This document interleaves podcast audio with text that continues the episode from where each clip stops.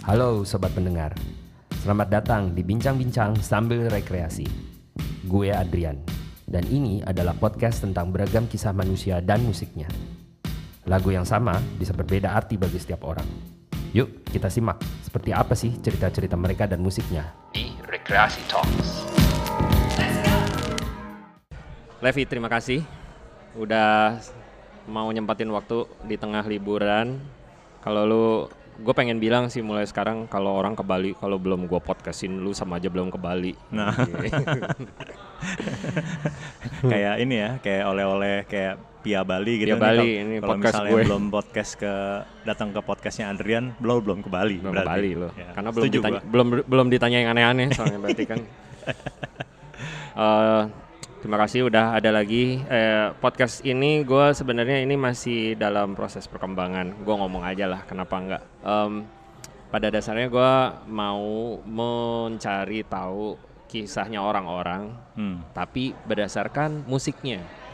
Jadi Oke. kayak kalau misalnya kita dulu kan mungkin ada bisa mengasosiasikan diri kita sama musik. Yap. Nah, mau lebih spesifiknya lebih berarti gue pengen tahu. Sebelumnya gue mesti cerita dulu lah dari uh, siapa sih orang di hadapan gue sekarang. Jadi gue sekarang lagi berhadapan sama Levi. Ya, Dia saya. teman dan udah kayak kakak gue juga di zaman kita masih di Jakarta. Um, kalau tepatnya selain hubungan yang personal kayak begini, ya lu bisa Google dia namanya muncul kok. Dan jadi dia bukan orang sembarangan. Terima kasih, terima kasih. Nah lanjut ya, Oke. gue mau tanya Lev, Hmm. Em, lu tuh orang yang menurut gue ken gua kenal banget sebagai orang yang dekat sama musik, gitu. Hmm. Boleh dibilang musik tuh ngejar-ngejar lu kali ya. So jadi kalau simpel aja sih pertanyaan gue, lu punya lagu apa nggak yang relate banget sama kisah hidup lu?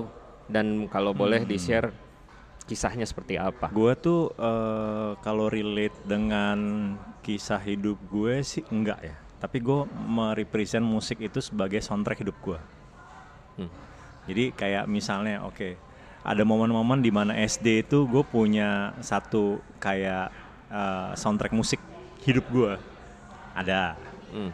Tapi juga eh, pada saat SMP juga ada yang eh, ini kayaknya jadi apa ya penyemangat hidup gue lah. Jadi musik-musik itu kalau gue denger selalu teringat dengan momen.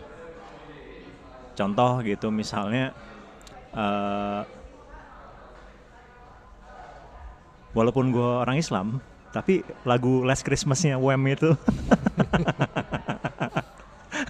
gue gue inget di masa gue SD saat gue lagi senang-senangnya main sepeda. Mhm, Oke. dan gue nonton Laserdisc zaman itu ya. Iya. tua ya gue Laserdisc zaman itu. Dan lagu itu selalu eh, kayaknya easy dan happy gitu gue dengernya. Ya kalau misalnya bulan Desember gitu kan lagu-lagu Christmas semuanya happy happy happy dan dan lagu Last Christmas itu menurut gue ih gila. Dan nggak hanya itu aja sih akhirnya gue suka dengan semua lagunya Wham gitu zaman itu. Ya dan Terus- memang eh, kalau gue boleh tambahin ya lagu Natal itu bisa berlaku buat semua karena dia kan juga berdekatan sama tahun baru. Ya. So, jadi mungkin ada rasa holiday-nya Hasa buat holiday-nya semua. tuh buat semuanya benar Hmm. Terus begitu gue SMP udah mulai deh rebelnya keluar kan. Nah, gue udah sangat kalau gue dengerin lagu Sex Pistols, ah, udah SMP tuh. Dan itu jadi kayak lagu rebel gue, kayak lagu anarki gitu. Dan itu udah jadi kayak soundtrack gue kalau misalnya uh, pengen memberontak itu jadi soundtrack hidup gue lah. Lu boleh kasih kita satu judul lagu nggak yang jadi soundtrack lu pada saat lu lagi rebel? Dan kalau bisa hubungannya mungkin sama akhirnya lu jadi musisi malah ya. Eh, Anarchy in the UK.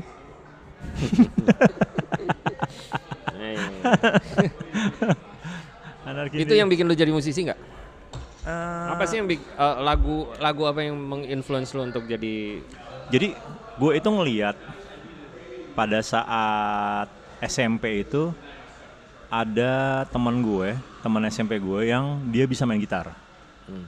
Dia bisa main gitar, terus udah gitu eh,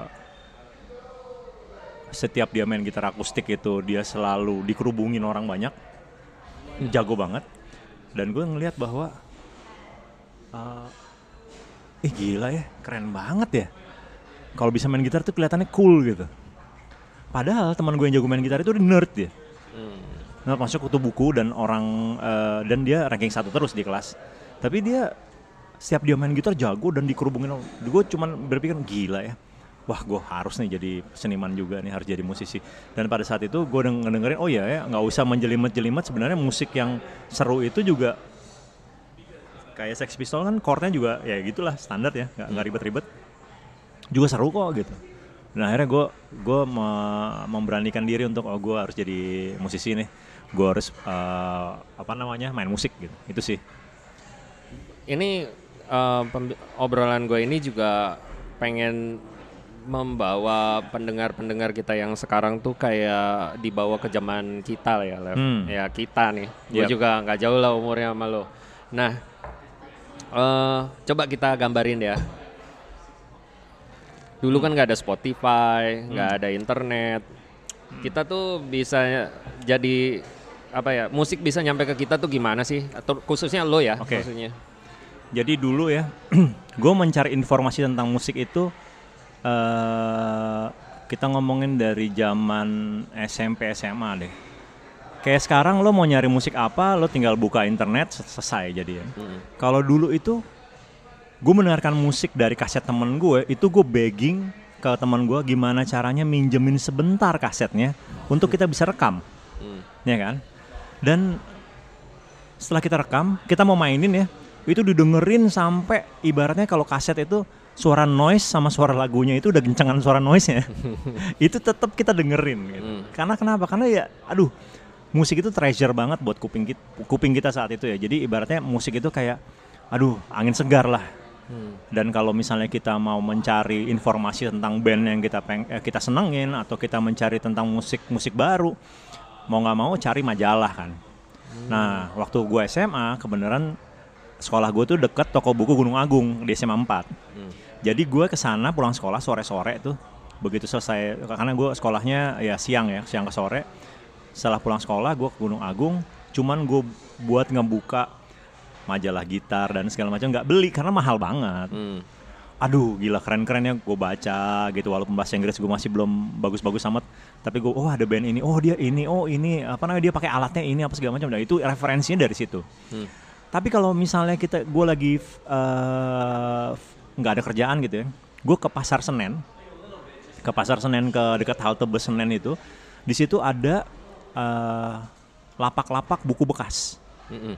Nah, gue tinggal ngomong sama si abang-abangnya itu, bang, cariin buku tentang musik apa aja deh. Ntar dicariin tuh buku- buku-buku bekas gitu. Nah, buku bekas itu udah ketinggalan sekitar satu setengah tahun sampai dua sampai sampai tiga tahun mungkin ya. Hmm. Tapi bagi gue, gila, ya udah deh, ketinggalan segitu lamanya, ketinggalan setahun pun bagi kita udah, wah nggak ini masih baru nih gitu. Karena baru tahun lalu gitu. Iya. Dan bisa dapetin buku-buku itu dengan harga yang ya dulu berapa ribu perak gitu itu buat kita udah wah bahagianya minta ampun gitu buat buat buat kita sebagai seorang yang suka dengan musik ya kayak gitu. Hmm. Lu rumah lu kan juga deket Jalan Surabaya ya, Ya. yang pada zaman itu Jalan Surabaya itu juga harta karun tuh buat orang-orang yang suka nyari musik tapi bukan yang di Mainstream. mainstream Ya. ya. Nah, cuman sangat sayangnya pada saat itu kalau di Jalan Surabaya kalau ngelihat kacung kampret kayak gue tuh masuk ke dalam tokonya, bilang, ini nggak punya duit nih gitu. Selalu diplototin mau beli apa deh, mau beli apa deh gitu. Jadi untuk untuk Tapi kan orang rumah, men. Ah, iya, Lu tapi orang situ, orang sit- sini, Bang. Eh, iya, walaupun kayak gitu mau beli apa? Selalu ditanyain gitu kan. Mungkin ya karena kelihatan ya masih kroco-kroco lah ya anak-anak kecil gitu ya nggak tahu apa tapi penasaran mus- musik penasaran dengan musik gitu tapi nggak beli ya itu Iya. selalu diplototin Tapi asik ya nostalgia kita dulu eh, digging musik itu ya. Oh, Kalau lo majalah ya gue juga jadi ingat sih. Dulu ada majalah-majalah tertentu yang punya segmen untuk ngebahas musik. Malah ada kalau dibilang majalah Hai itu Ah, dedikasinya iya. ke musik ya lumayan iya, ya. Iya iya majalah Hai itu eh, salah satu referensi anak muda lah gitu. Kalau Hai bilang keren, semua orang se Indonesia bilang keren gitu. keren iya. trennya bisa dari situ. Iya. Belum lagi radio dulu juga kita cukup loyal ya. Dulu Prambors Nah, mungkin ya. jadi pada saat gue ngeband dulu ya, pada saat gue ngeband pertama kali gue apa namanya, pertama kali gue eh, punya album, nah akhirnya bisa rilis lagu gue masuk ke radio-radio yang sangat ngebantuin gue untuk bisa rilis Dikenal. dan terkenal itu ya salah satu radio itu ya si Prambors. Hmm. Jadi kalau dulu itu radio itu menjadi hits maker. Mm-mm. Jadi ada beberapa band yang memang eh, di apa ya dibesarkan oleh radio. Ya. Beda sama sekarang. Sekarang radio adalah hits player. Iya benar. Dia dulu hanya memutarkan barometernya. lagu-lagu hits. Hmm. Kalau nggak dimuterin lagu hits, ratingnya turun. Hmm. Jadi mendingan ya udahlah muterin lagu hits aja gitu. Itu mungkin karena dulu berarti korelasinya sama bisnis-bisnis dari rekaman juga ya, rekaman-rekaman Iya. yang datang ke radio untuk bilang tolong setelin lagu ini Iya. jadiin hit. Mm-mm. Kalau sekarang kan mungkin ya radio dulu eh, di pertengahan kan radio persaingan udah banyak, jadi mereka rebutan pendengar kali ya. Ya rebutan pendengar dan sekarang malah referensinya radio itu bukan dari eh, yang gue tahu ya. Hmm. banyak yang bukan dari eh, kiriman label tapi mereka ngelihat dari chartnya Spotify Hmm. chart-chart musik streaming banyak yang banyak listenernya nah ya udahlah itu yang akan diputerin gitu Ya. Ya nggak tahu ya kenapa jadi seragam semua gitu padahal sangat menyenangkan banget pada saat musik itu sangat beragam awal tahun 2000 tuh menyenangkan banget kenapa karena lo suka apa musik rock ada pop ada jazz ada apa segala macam dan Ada ada loophole-nya masing-masing untuk setiap genre ya. Iya Nggak iya kayak iya. iya. sekarang, akhirnya jadi semuanya didikte. sama semua. Tapi ya gue cukup eh, terkesan juga dari pengamatan gue belakangan ini kalau sekarang tuh di balik keseragaman itu mulai ada rasa jenuh dari individu yang mulai akhirnya dia mulai menspesifikasi sendiri Hmm. jati diri gue musik gue gitu terus akhirnya Ya. mereka mulai terdorong untuk mencari musik yang justru mungkin nggak banyak orang tahu dan dia pengen dia dikenal karena musiknya Setuju banget. Jadi sekarang ini gue yakin banget major label itu ketar ketir kenapa? Sekarang indie label itu yang sekarang jadi malah naik Hmm. ke permukaan. Dan akhirnya orang nggak bisa describe mana indie label, mana major label, karena ya udah semua sama. Dan Ya. eh, dan sekarang lebih ibaratnya gini, lo punya bakat, oke, lo punya lagu bagus, oke, lo punya skill dan lo punya tampang, oke, lo mau jadi artis, ya udah, dengan tidak sign dengan label, dia bisa menjalankan semua sendiri, semua terbuka lebar. Ya. Tinggal gimana caranya konsistensinya si orang itu untuk mengerjakan eh, misinya itu dengan sungguh-sungguh. Udah itu aja. Wah ini masukan bagus ya karena lo termasuk uh, musisi yang dulunya boleh dibilang didikte ya masih ya sama industri ya. Ya dulu eh, gua nggak akan nggak akan lupa banget zaman The Fly tahun 94 95 saat kita nawarin lagu-lagu kita ke major label. Tahu nggak kata-kata dari mereka apa? Bang. Aduh, ini musiknya terlalu jauh nih. Bikinlah yang Melayu. Bikinlah itu kayak band-band Malaysia yang apa iklim apa segala macam gitulah. Padahal kita mau yang modern ya, modern yang eh, ibaratnya mau Ya pengen jadi yang sesuai sama yang lo Iyalah. rasa nyaman identity lah. kita kayak gini gitu. Jadi biarlah kita jadi serigala, jangan suruh jadi domba gitu. Walaupun domba yang laku untuk dipotong gitu kan. Mm-mm. Ya itu kacamata eh, cara pandang seperti itu sebenarnya yang membuat mm, seniman itu jadi ketika sudah ada di pintu untuk jadi dikenal orang malah dikenalnya dengan cara yang bukan mereka nyaman jadi akhirnya. Banyak lah Tapi sekarang gitu. udah nggak kayak gitulah ya. Sekarang Sekarang udah enggak, malah ibaratnya eh, even sekarang teman-teman gue yang kerja di major label juga udah ngasih eh, kelonggaran kelonggaran untuk artisnya sendiri untuk menentukan mau seperti apa. Kalau di luar negeri kan ada pu- publicistnya yang eh, gue image si ini si artis A harus ke sini, artis artis B harus ke sini gitu. Nah kalau sekarang ibaratnya mereka lebih mendengar lah. Lu sendiri lah sebagai orang yang masih eh, berkecimpung di musik, lu masih dengar suara-suara yang baru nggak sih? Maksudnya lu masih hunting nggak sama hal yang baru di masa lalu maupun yang baru di masa sekarang? Nah kebenaran gue udah ini udah tahun keempat apa tahun kelima gue lupa. Gue selalu jadi salah satu jurinya AMI Anugerah Musik Indonesia. Oke. Gue mendengarkan ratusan lagu baru untuk gue kurasi dan gue ambil uh, gue lupa ya uh, kalau nggak salah 10 besar untuk nantinya akan di polling lagi Hmm. dengan oleh masyarakat umum. Nah pada saat gue mendengarkan makin ke sini nih dan tahun kemarin itu luar biasa pas gue dengerin gue kaget sih. Gila ya kualitas recordingnya, Mm-mm. kualitas soundnya, kualitas aransemennya itu gue Udah udah lebar ya? Udah udah bukan udah lebar sih. Kayak gini deh. Kalau zaman dulu kita masih bisa bisa bisa bandingin dari sisi sound ya. Ah ini sound Indo- Indonesia nih Hmm. sebelum liriknya muncul gitu ya. Ah, ini seorang Indonesia. Begitu band bule, wah ini bule nih pasti nih. Oke. Kenapa? Karena soundnya lebih kenceng, lebih impactnya lebih dahsyat, lebih lebar, lebih bening dan segala macam. Tapi Hmm. Itu teknis ya, teknis dari- ya. ah. Tapi sekarang ibaratnya gue dengerin band Indonesia itu standarisasinya mereka udah knowledge-nya untuk sound dan segala macam itu udah, udah luar biasa bagus. Jadi gue yakin banget tahun-tahun ke depan Indonesia bisa bersaing di internasional. Terbukti kan. Amin. Hmm. Udah Mm-mm. ada uh, Rich Brian, Mm. Terus apa Nicky siapa gitu yang udah go internasional terus uh, ini lagi Virginius. Hmm. Wah, gitu kan udah sampai orang bule pada bikin apa nih reaction Fan video. clubnya. Oh ya. reaction videonya itu. gitu. Nah, itu menurut gua ini udah it's a good start untuk musik Indonesia. Itu referensinya juga mungkin lebih luas ya. Kalau balik lagi kayak zaman lu dulu, eh, kita dulu lah radio, TV kadang-kadang ya sama Aduh, TV itu cuma sekilas musik aja yang bisa iya. Kalau ada orang eh, temen baru dari luar negeri yang kebetulan beli kaset aneh aja udah langsung dikerubutin. Apa nih? Apa nih? Ah, langsung. Artinya telinga kita dulu hanya denger sedikit. Ya. Sama sekarang juga kenapa eh, cepat banget berkembang ya.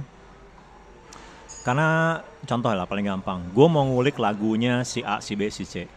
Hmm. Kalau dulu kita cari tabulatur kan, Mm-mm. dan itu udah difotokopi tabulaturnya Metallica gitu, udah difotokopi berkali-kali. Ya sampai ini sebenarnya angka berapa sih? 8 apa 3 sih? Udah kayak buku kungfu tau nggak jadi rebutan ya. udah jadi rebutan dan udah Hmm. kopian ke berapa untuk oh mainnya tuh chordnya tuh seperti ini gitu kan tapi sekarang kan ibaratnya lo tinggal buka buka misalnya tutorial lagu A tutorial lagu B ya udah muncul semua tuh Iya, dengan berbagai versi gampang. kan Hmm.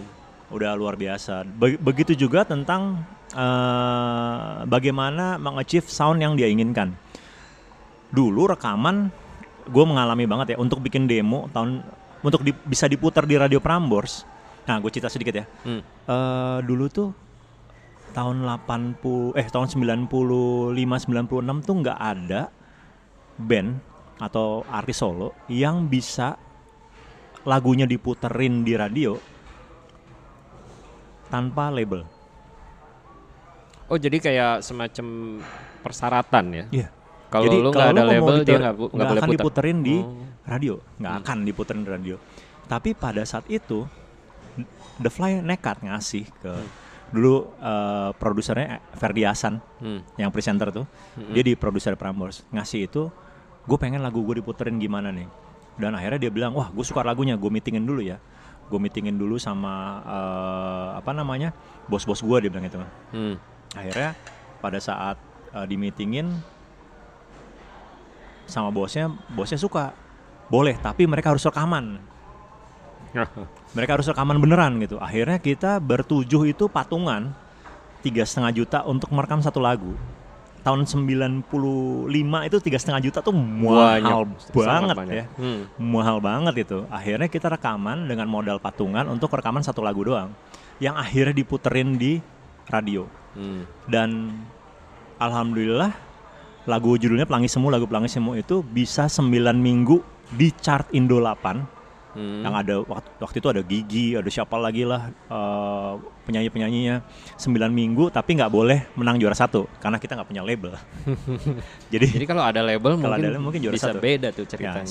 9, 9 minggu ada di situ Wow. dan setelah itu barulah label-label berdatangan ke kita untuk men-sign The Fly Oke, berarti lo eh, apa ny- nyolong posisi dulu ya supaya dicari label. Iya, akhirnya dan akhirnya Prambos bikin ada Indo 8 which is itu untuk si major label dan Indie 8. Oh, lu Setelah gara-gara lu. itu gara-gara ada fly. gara-gara The Fly.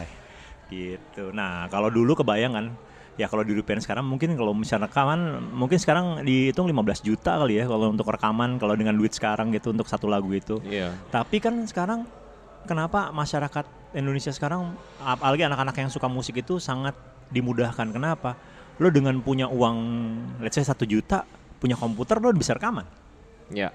Bener gak sih? Ya lebih mudah lah sekarang. Lebih mudah rekaman di mana aja dengan kualitas yang oke lah fine. Kalau misalnya punya duit banyak, cari yang high quality udah banyak banget gitu. Jadi uh, chance-nya sangat terbuka lebar hmm. untuk bisa menghasilkan sesuatu karya ya.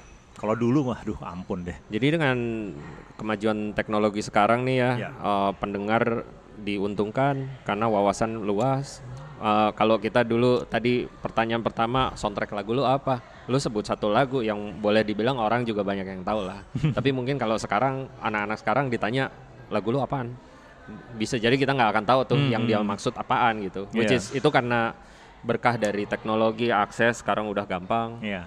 Ya nevertheless cuman memang sih gue juga tetap mensyukuri uh, indahnya keterbatasan itu ya karena itu jadi ya itu tadi kalau ada yang punya tablatur langsung jadi rebutan terus kalau ada yang kebetulan punya kasetnya tapi padahal nggak ada di sini ya udah pasti dicari-cari Uh, belum lagi hunting-huntingnya kita juga ya sama kaset, sama lagu. Kalau udah dengerin sesuatu, wah apa nih? Kasetnya mana nih?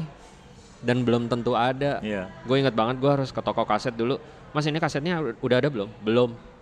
Jadi kayak ada yeah. waiting list, aneh banget ya. Dan yang gilanya lagi tau gak apa? Terbukti dengan pada saat ada band yang konser di Indonesia, buh. Oh iya, kita langsung 93 Metallica sampai yeah. kerusuhan. Iya itu euforia yang membuktikan bahwa semua orang butuh betul yang namanya uh, musik sampai ke kalau perlu artisnya ada di depan kita betul. gitu. gitu.